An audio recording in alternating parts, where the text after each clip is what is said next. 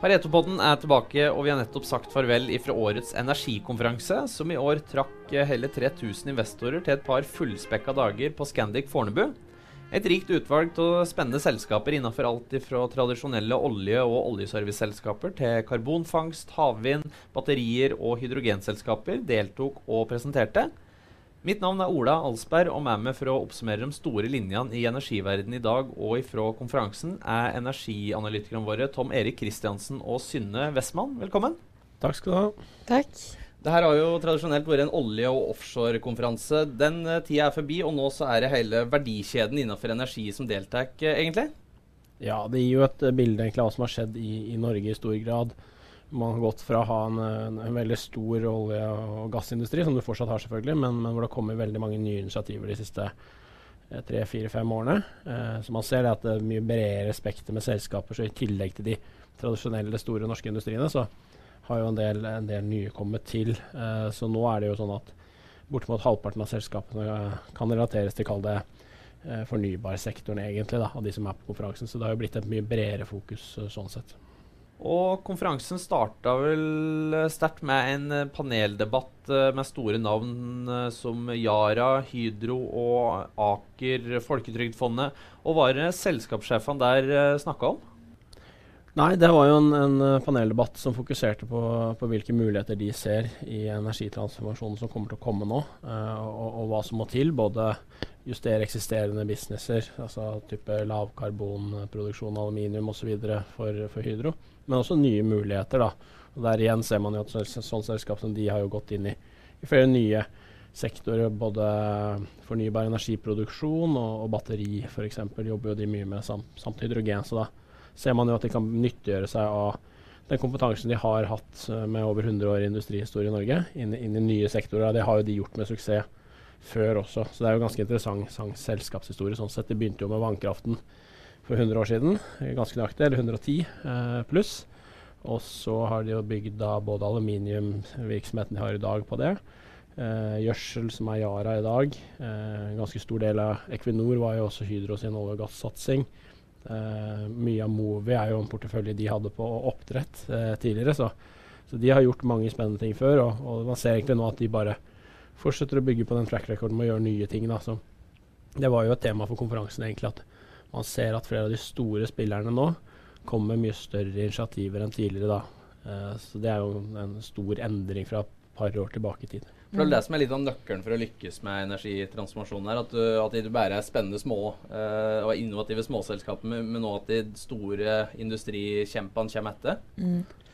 Ja, og det er jo litt uh, sånn som Tom Erik er inne på, med at nå tar de store selskapene som har hatt en viktig rolle i mange av de industrieventyrene vi har sett de siste hundre årene. De tar nå steget inn i eh, ja, energitransformasjonen og de nye industrieventyrene som kommer.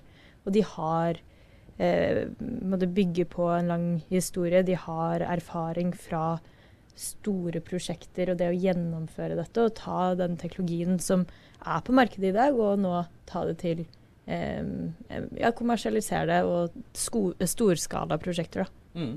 Aker er kanskje et uh, bra mikrokosmos uh, for deg her, som er et svært uh, industrikonsern, men som nå prøver seg med karbonfangst, hydrogen og, og andre fornybare armer.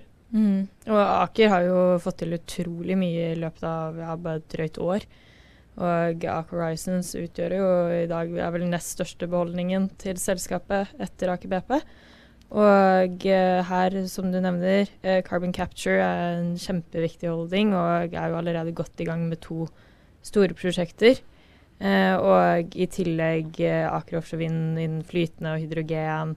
Og så kommer det jo flere spennende konsepter herfra i løpet av neste tiden.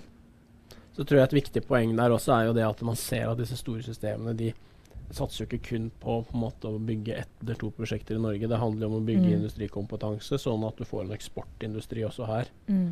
Og Det er jo viktig for Norge i, i, i et stort perspektiv også.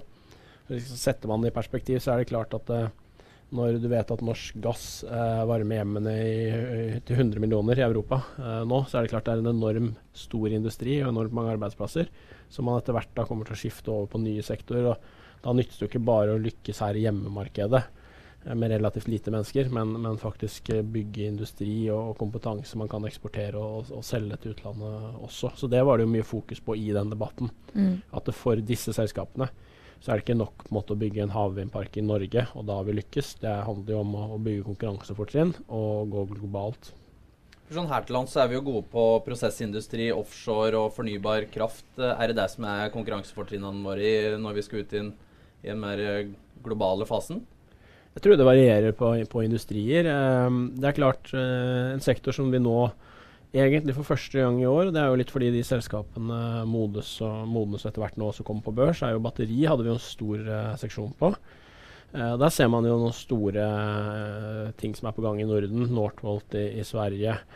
kommer også store prosjekter i Norge. Der er jo tilgang på fornybar energi til en rimelig pris en, en svært viktig input-faktor, som er en konkurransefordel da, kontra f.eks.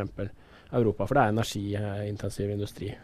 ser man på offshore vind, og, og, spesielt flytende offshore vind, så er det jo klart at det er det én ting uh, offshoreindustrien i Norge er god på på oljesiden, så er det jo å få uh, store strukturer til å flyte i all slags vær og, og, og, gjøre det på en effektiv måte. Så det er klart da tar de med seg den kunnskapen uh, over til, til, en ny sektor, egentlig. Det handler jo om mange av de samme tingene, selv om det produserer en annen type energi. Spennende at det er litt overlapp i, altså i kompetansebassenger, sjøl om det er forskjellig altså, Sjøl om det er grønt og brunt, så det, kan dra litt nytte av den tidligere erfaringa. Ja, jeg tror det er, er, jo det veldig sånn som Aker har fokusert mye på, er jo å starte nye selskaper egentlig ut av de de allerede har. Mm. Så da har man jo tatt uh, Carbon Capture f.eks.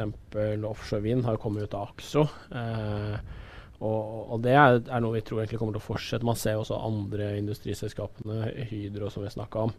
Det er klart De har en, en stor kompetanse innenfor kall det tungindustri. Og, og, det er nok naturlig at sånn de eh, i, at det gir de konkurransefordeler også når sånn som hydrogen etter hvert skal vokse og bli en stor sektor. At de kan, kan få en posisjon der og, og på batteriproduksjon osv. Mm. På årets konferanse så var vi så heldige å kunne kjøre en litt mer hybrid uh, løsning enn på fjorårets konferanse. Det som måtte være uh, heldigital. Så nå kunne vi ha både en 500 stykk uh, på, til stede på Scandic Fornebu, men nå kunne streame alt, alt ut live til, til 3000 uh, investorer. det var vel litt etterlengta å endelig kunne få møte, møte folk igjen? Det er selvfølgelig veldig, veldig hyggelig. Mm. Så altså det er vi svært fornøyd med. Vi håper jo egentlig at vi kan invitere alle. Uh, neste år var det 160 selskaper på årets konferanse. Det var vel rundt 60 av de som kunne presentere da live i, i forbindelse med, med opplegget på, på Fornebu. Man skulle holde seg selvfølgelig innenfor alle mm. uh, covid-restriksjoner og retningslinjer osv. Så, videre. så man skalerte jo fortsatt uh, ganske mye ned fra, fra tidligere, men, men, helt klart tilbake der. Eh, og, godt oppmøte fra investorer og stor interesse. Og man ser jo det at det å møtes, det, det skaper fort gode samtaler i gangene også, ikke bare å sitte og se på en prestasjon uh, hjemme over nettet. Mm. Og så er det det at uh, vi selv om vi gjerne vil ha 3000 fysisk til stede neste år, så er det fint å kunne med den hybridløsningen nå ut til et mye større publikum enn det vi måtte, tradisjonelt sett kan invitere til Oslo. Da. Mm. Så da får jo også selskapene en helt annen eh, investorbase som de kan eh, presentere seg for. Mm. Og alt går jo, i, går jo, på engelsk, så det er ikke sånn at du er nødt til å, nødt til å være, i, være, i, Oslo eller i Norge for å få med deg det. når ut til ja, Nei, der går jo alt på engelsk, og, og, det er jo sånn at de, mange av de viktigste og største investorene er jo, er jo utenlandske, så det, det, er naturlig i, i, i mm. det der internasjonale bredden man har på selskapene som kommer her også. Hvis du teller opp, så er jo de fleste av selskapene også utenlandske, hvis man ser sånn stort på det. Mm. Over, eh, det var vel 168 eller et eller annet selskaper som eh, presenterte i år. Eh, hva var det selskapene prata, prata ekstra om i år? Jeg syns jo det er spennende å se at ting har kommet lenger enn før. Mm. Så man ser at de, de store prosjektene kommer, uh, og uh, at man er veldig opptatt av å klare å skape skalafordeler og, og bygge, bygge, bærekraftige løsninger også finansielt. Så det er, ikke, det er, ikke, lenger bare gode planer og mindre prosjekter og piloter osv. Det er, er større ting eh, med selskaper sånn som i den paneldebatten vi snakka om i starten, hvor de fokuserer så mye på at skal vi få den skalaen vi, vi, ønsker, og skal vi kunne eksportere dette til utlandet og skape verdier over de neste 10-20-30 årene, så, så, må vi ha lønnsomhet i prosjektene også. Så, så, Det begynner man jo å se på mange fornybarprosjekter, at man har veldig god lønnsomhet også. Eh, nå som skalaen har kommet. Et typisk eksempel er jo at det er billigere med, vindkraft og, og, sol i Europa enn det er å kjøre eksisterende eh, kullkraftverk. Så, eh, så, så, man ser jo at det, det kommer lenger og lenger, og, og, det er jo uh, et stort og viktig tema egentlig, som mange av selskapene snakker om. Mm. Og så føler jeg også at den Hva skal jeg si Det var en helt annen forståelse for det faktum at klimaendringene skjer nå. Eh, og litt sånn som Tom Erik var inne på i sin introduksjonsprestasjon, at uh, vi har dårlig tid, og denne endringen skjer ikke eh, raskt nok hvis vi skal nå eh, de klimamålene vi satt under Parisavtalen. Og det er jo litt med for flere av disse selskapene, også på en måte de som har vært tradisjonelt en del av Oil and Offshore-konferansen, så eh, skal de jo fortsette med den businessen de har drevet med i alt fra år til tiår, men eh, med en sånn det å ha en mer bærekraftig vinkling, det å kunne kutte utslipp, det har kanskje gått fra en litt nice to have til en mer need to have, da. Mm. Um, og det er Det var veldig mange gode initiativ som ble presentert. Ja, jeg tror mange av selskapene er, er ganske langt foran. Det er, det er, en del tror på, på hvor, hvor um, kraftig de jobber med dette, og hvor høyt mm. det er på agendaen internt. Uh, og det er jo eh, interessant selvfølgelig å se det at uh, det er jo virkelig når du begynner med, med storindustrien uh, mm. at det monner. ikke sant? Så det, det, er jo viktig at de, de tar tak, og de, de, ser jo at det kommer et, et, økt press utenfra også. Men jeg føler egentlig at det er ikke det som, som driver det mest nå. Nå, nå er det de, de, de, ser selv at det er så høyt på prioriteringsagendaen mm. at det, de trenger ikke å vente på nye krav fra myndighetene for å sette i gang prosjekter og, og, og jobbe med å modne opp disse tingene. Så Um, det er jo uh, ja, alt fra karbonfangst til bytte, bytte av energikilder man bruker i produksjon osv. Så, videre. så mm. Så det er klart at der skjer, der skjer, det mye, og det er en del store prosjekter på gang. og Man har sett noen av de største industriselskapene i Norge gå sammen også. Statkraft, Aker, Yara. På Herøya bl.a. Eh, det er jo et av de største utslippspunktene i Norge. Så hvis de får til det der, eh, så, så, gjør det jo mye og, og, kan være starten på en ny industri også med de, de prosjektene de har på gang. Som er, handler jo om å dekarbonisere egentlig verdikjedene. da, Ta, Gjøre det eh, mer miljøvennlig, rett og slett. Så, så, det er eh, helt klart et stort tema. Og så er et annet tema egentlig at man ser jo at energibehovet i verden fortsetter å øke. da Man hadde jo på en måte et covid-år i fjor hvor Um, behovet veldig temperært ble redusert uh, voldsomt. Det fikk jo enorme utslag i sånn som globale oljemarkedet. Uh, men man ser nå egentlig at man er veldig nærme all time high demand igjen. Uh. Befolkningen i verden fortsetter å øke. Så, så, man har et stort behov for energi og et stort behov for nye, nye, løsninger. Men det har jo også gjort at man ser råvareprisene har kommet voldsomt opp da, det siste året. Mm. For økonomien her, den er vel med å bidra til det fornybare virkelig, som du var litt inne på her, at det skyter fart nå, at det, det, rett og slett er lønnsomt.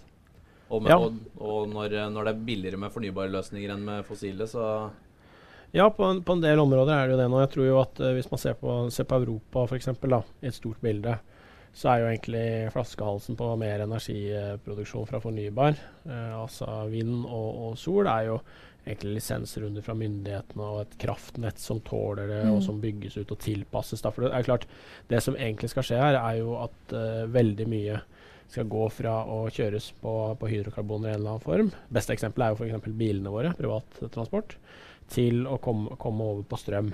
For det er jo en, en energikilde du kan generere i dag konkurransedyktig um, med, med, disse kildene. Så da, da må på en måte myndighetssiden også leverer stabile rammevilkår og, og, nok kapasitet. egentlig. Du ser jo litt den havvindrunden som kommer i Norge nå, disse partnerskapene som er annonsert. Enormt mange store, sterke spillere som skal inn og konkurrere der. Så det er klart at uh, kom, all kapasiteten der kommer til å, til å bli awardet ut. Og, og hadde de økt uh, kapasiteten tilgjengelig, så hadde de sikkert fått solgt det også, eller fått det på, på anbud. Mm. Så, så, interessen er, er, jo enorm. Hvor mye er det snakk om uh, der, norsk havvindrunden? 4,5 gigawatt. Så det er jo et start. Uh, det er en start, men uh, de har jo allerede gått ut og sagt at de kommer til å evaluere nye områder mm. for nye lisensrunder. Så de har jo skjønt, sånn som Tom Erik er inne på, etter den enorme interessen fra industrien, at her må man nok være litt frempå for å dekke det Det er etterspørselen man ser fra industrien og ja, for, de som for, for å ønsker å litt sånn utvikle i dette. perspektiv, da, 4,5 gigawatt uh, og mye, og mye på en måte Hva er det vi sier i 2030, da? Det er vel altså Gitt at en del av denne kapasiteten kommer jo ikke til å da komme på før i slutten av dette tiåret, um, så er det vel eh, rundt 100, 750 gigawatt i 2030 på verdensbasis. Ja, Et eller annet sted. Det er mange forskjellige tall eh, ute og går der. Jeg tror det viktige er jo at vi, vi kommer i gang med ganske store prosjekter. Um, så det er positivt å se. Og at, så tror jeg vi må ta inn over oss i Norge òg at det, dette her går utrolig fort andre steder også. Det er mange som ser disse mulighetene. Offshore vind har jo egentlig ikke sant, med Danske Ørstedt har jo bygd egentlig en, eh, en fantastisk kompetanse i, i, Danmark på dette her, og en uh, industri der også på leverandørsiden. Litt sånn som Norge har lykkes på Eh, på olje og gass historisk. Eh, og, og, sånn som Storbritannia har jo vært ekstremt tidlig ute med å bygge ut mye offshore vindkapasitet. Mm. Så vi er jo egentlig litt, henger egentlig litt etter, og, og det er nå viktig da, å få på plass reguleringene, sånn at du kan bygge ikke bare på en måte at noen andre kommer og bygger det her, men at vi kan utvikle teknologi og, og bygge det selv og eksportere til utlandet. For det handler jo om på en måte, norske arbeidsplasser på lang sikt. Mm. I tillegg til selvfølgelig en energirevolusjon der. Og så må det jo sies òg at eh, nytt av året på konferansen, eh, hvis man snakker om oljeselskapene, så er det, jo, eh, er det jo at lønnsomheten er ekstremt god på dagens oljepriser. Og det gir jo fleksibilitet for de også til å i, i enda større grad enn tidligere kanskje kommentere seg til, til større prosjekter og ting som, som reduserer eh, utslipp, samtidig som de de fortsetter å da ha betydelig kapital som, som kan gå inn i nye sektorer også. Så vi vil jo tro at sant, det er ganske nærliggende å tenke seg at en del av, av de store selskapene der og, og, systemene de kommer jo til å være med på dette energiskiftet. Ikke sant? Equinor som nå eh, innen utgangen av det tiåret her skal putte 50 av, av investeringene sine inn i, inn i fornybar eh, årlig, det er, det er, enorme summer. Det er jo mer enn 5 milliarder dollar hvert eneste år. Hvis du ser på bare den planen de nå annonserte i markedet, fram til 2026 så skal jo de putte like mye penger inn i fornybarsektoren i nye investeringer som markedsverdien av Telenor. Så det er en mm. enorm skala som nå kommer. Så, og det, det, kommer jo til å gi hele industrien et løft, og det kommer til å, å gi norske leverandørindustri også muligheter, tror vi. da. Eh, og du ser jo Aker de har jo på en måte kallet, satt opp litt annerledes. Aker BP fokuserer jo veldig på å produsere olje og gass på en effektiv måte med lave kostnader og høy lønnsomhet, eh, men betaler da gode utbytter Så man ser at aksjesystemet har brukt egentlig på å finansiere opp mye nye initiativer da, på fornybarsiden. Så, så, så, det er jo klart at disse, disse kompetansemiljøene Det er jo på en måte mange av de samme ingeniørene som fortsatt skal, uh, skal finne de nye, gode løsningene. De skal mm. bare gjøre det på litt forskjellige sektorer, tror vi, på lang sikt. Det hjelper vel òg at uh, Equinor og andre, det som før var oljeselskaper, nå er energiselskaper, går foran og, og leder an i fornybarsatsinga? Ja, det er jo bra at de, de tar ordentlige grep. Og de, de, må jo også ta store grep selvfølgelig på produksjonsporteføljene sine på å redusere utslippene der. Men, men det er godt å se at de, de er på, på der, og, og, at de også får fram noen av de poengene som vi tross alt syns eh, er ganske gode, rundt at norsk olje- og gassproduksjon eh, f.eks. har mye lavere utslipp enn enn internasjonalt. Så er ikke det bra nok å bare si det hvert eneste år. Så må du få ned de utslippene og vise, vise framdrift på det.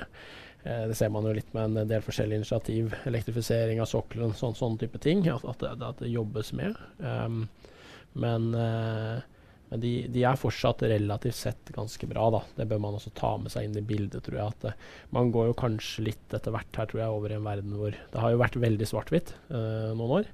Til kanskje litt mer perspektiv på det, da. All den tid man ser at global energietterspørsel er er all time high igjen. Oljedemand er nesten all time high. Mm. Uh, da er det tross alt mer miljøvennlig om det kommer fra norsk uh, produksjon, eller, eller vesentlig mer uh, forurensende produksjon i, i, land som Midtøsten f.eks.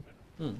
Også som fornybaranalytiker så må det være artig at det er såpass stor lineup av, av fornybarselskaper til stede på en energikonferanse òg. Ja, og som Tom Erik nevnte, halvparten av selskapene kan på en måte knyttes til energitransformasjonen og en tredjedel uh, fornybare. Uh, og det er jo utrolig spennende å se hvordan disse selskapene A har jo en helt annen interesse fra investorer, men også hvordan vi nå skal industrialisere disse prosjektene. Og eh, av måte, teknologiene som presenterte i år, batterier nevnt, utrolig eh, mange spennende initiativ som kommer. Og dette vil være viktig eh, sett med måte, øynene til AS Norge. Um, I tillegg flytende offshore vind. Eh, og så selvsagt karbonfangst. Mm. Der eh, Norge allerede på 90-tallet installerte første offshorefasiliteten. Nå er vi i gang med verdens første på en sementfabrikk. Eh, sement står for rundt 7-9% av globale utslipp. Dette er jo åpenbart kjempeviktig. Og utrolig kult at det er eh, et norsk selskap som står for teknologien der. Mm. Eh, og nå ser vi jo at eh, frem mot etter både den rapporten som kom fra FNs klimapanel og frem mot COP26 i eh, november, så er det et fokus på disse teknologiene og den rollen de kommer til å spille i netto null-verden. Mm. For, for, å lykkes der, så må det òg Du må ikke bare slippes ut mindre, men du må uh, forhåpentligvis uh, reverseres mest mulig, og der kommer karbonfangst uh, inn. Ja, og for hvert år vi ikke reduserer eller ikke fanger, så blir det bare mer i atmosfæren. Mm. Så um, det er en akkumulert effekt her. Så tror jeg et poeng som kanskje vi tok fram litt på konferansen, det er jo at vi er jo sånn sett egentlig Når man ser markedskreftene og den kapitalflyten som er nå inn i fornybar, og den lønnsomheten de prosjektene har på fornybar energiproduksjon, så er jo ikke vi egentlig sånn så redd for Vi tror det blir en større utfordring å ta tak i liksom tungindustri, sementproduksjon, den type ting. De, det er typisk hard to abate sectors, som de kalles, mm. enn eh, det blir å produsere nok, nok, strøm. på en måte. Det skal mm. produseres enorme mengder strøm, selvfølgelig, men, men der er på en måte lønnsomheten og markedskreftene jobber i riktig retning. Mm. Eh, på disse andre sektorene så har det vært veldig tøft historisk å få til. Og så tror jeg det er et, et, annet spennende poeng. Det er jo at en del av de tingene som ble sett på som på en måte ikke så lønnsomt, eh, vanskelig å få til i praksis, vanskelig å skalere fordi det er så utrolig dyrt, eh, ikke er like dyrt lenger nå hvis man sammenligner mm. med dagens karbonpris. Så, så f.eks. dette første prosjektet på sement i Norge. Eh, som jo kan gjøre oss verdensledende på en sånn type ting. Um, det jo, har jo vært et prosjekt som trengte statsstøtte for, for å komme videre. Men så ser man jo nå at karbonprisen har dobla seg i år. Mm. Eh, vi går snart inn i et uh, veldig viktig møte i Glasgow. Eh, man ser hva politikerne ønsker å, å, gjøre. At de strammer til det markedet med kvoter i Europa enda mer. Det, det er kanskje en, en, en, ganske åpenbar spådom, som vi tror i hvert fall kommer til å skje. Da får du enda høyere karbonpriser. Da begynner en del av disse prosjektene her også å bli lønnsomme. Fordi man setter en pris på, på utslipp som man ikke har gjort før. da.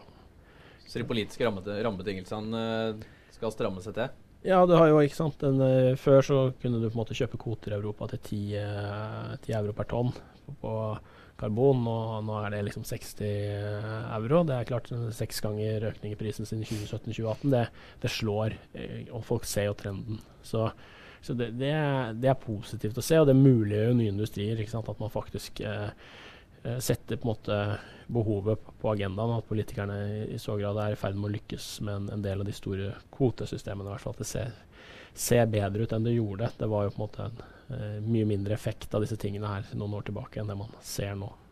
Mm, og når vi er inne på sånn politiske, politiske og infrastrukturting òg, som, som, vi var innom her. Eh, strømnettet òg kommer vel til å belastes litt. For det er jo ikke bare å sette opp masse, masse vindmøller. Det må òg trekkes noen kabler, og det må finnes et nett eh, som skal klare å, klare å takle der. Blir det òg noe som, eh, som blir å følge med på framover? Det kommer til å bli en kjempeutfordring for Europa spesielt. Norge er vi jo godt vant. Uh, vi er et rikt land. Uh, hatt veldig mye vannkraft historisk, så vi har jo på en måte et godt utbygd uh, strømnett. vi må jo øke kapasiteten hos oss også, mm. men det er nok en enklere jobb for oss enn det er i Mellom-Europa, der du trenger veldig mye nye investeringer. Som, som, må komme på plass for å kunne bringe all den strømmen til forbrukerne som, som trengs da, for å dekarbonisere en del av disse eh, aktivitetene man gjør. Kjøre bil, f.eks., mm. eh, som et eksempel.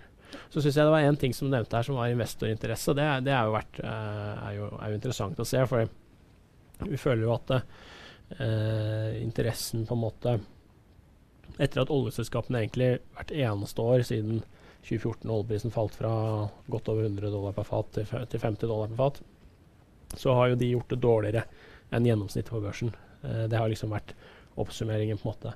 hver konferanse vi har hatt siden da. Det er jo første år i år hvor det har snudd. Det har snudd pga.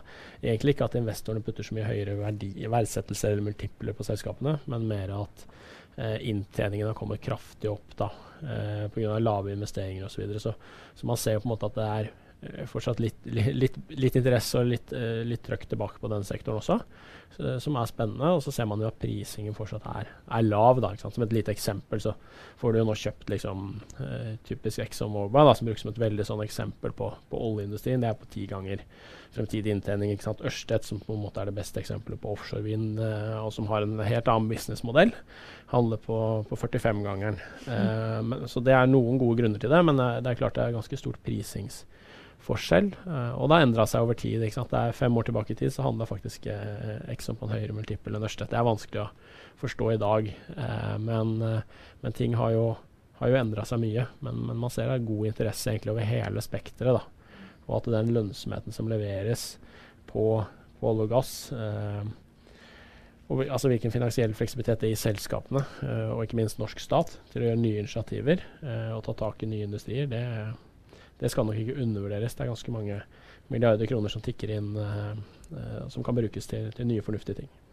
Mm. Og til neste års uh, konferanser, hvor langt uh, tror du ikke at vi har kommet? Nå er det jo industrialisering som, som hva, hva, kan vi vente oss? Så er det én ting vi måtte bare må lære oss, så er det jo at dette går mye fortere enn vi tror. og neste år så har de første områdene for havvind i Norge blitt tildelt. Uh, ut på Norcem så har de satt uh, spaden i jorden. Uh, I tillegg så har vi kanskje sett uh, hva skal vi si, formalisert investeringsbeslutning på store hydrogenprosjekt i Norge. I tillegg til at disse batteriprosjektene beveger seg fremover. Så om noe så har kostnaden på fornybar falt ytterligere. Og investeringstakten kanskje økt enda mer. Ja, vi tror jo det. Jeg tror en, Vi kommer jo med en spådom i år, eller har, har regna en del på hva, hva, det kan bety for, for, Norden. Bare det som skjer på batteri og på, på vind nå. Og Da sa jo vi at det, vi tror det kommer mer enn 400 milliarder kroner i investeringer innen 2030 mm. på de to sektorene aleine. Før du plusser på karbonfangst og før du plusser på hydrogen osv. Mm. Uh, jeg tipper jo at det tallet uh, kommer til å være vesentlig derisket neste år. At det kommer til å være ganske åpenbart for alle at det er, er riktig, og at det sannsynligvis er konservativt. Mm. For det går, går fort framover, og, og, disse store systemene som vi har vært inne på, jobber jo med veldig, veldig konkret med, med, store ting. Så at en del sånne ting har kommet ganske mye lenger, det er det ingen tvil om. Jeg tror også på, på batterisiden, som veldig mange i industrien syns er veldig spennende, men hvor det har vært litt færre i hvert fall norske børsnoterte selskaper så langt. Eh, det også vil nok være en sektor som det blir mye mye mer fokus på. Det er jo et enormt potensial der hvis man ser litt langt fram i tid og ser for seg en verden hvor Norge fortsatt kan, kan nyttiggjøre seg av billig vannkraft da, kontra mange andre. Vi har jo vært ekstremt heldige eh, med, med, hvordan eh, landet vårt ser ut, både under havbunnen i Nordsjøen historisk, men, men også med fosser og fjell og, og den eh, konkurransefordelene det, det, gir oss.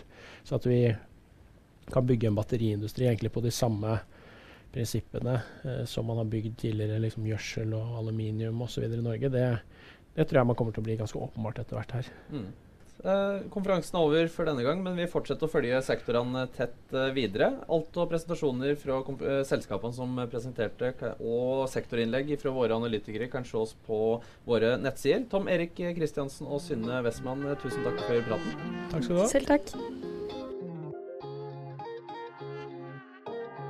Hej! Det här är Matilda Karlsson från Pareto Securities i Stockholm. Vi har även en svensk podd och varje onsdag så kommer det ett nytt avsnitt där jag pratar med olika investerare och förvaltare. Så passa på att lära lite mer om den svenska aktiemarknaden och lyssna på Pareto Podcast i din podcastapp. Og så minner vi om at informasjonen i podcasten her inte må på som investeringsråd. Placeringar plasseringer i verdipapirer medfører til enhver tid risiko, og historisk avkastning er ingen garanti for framtidig avkastning.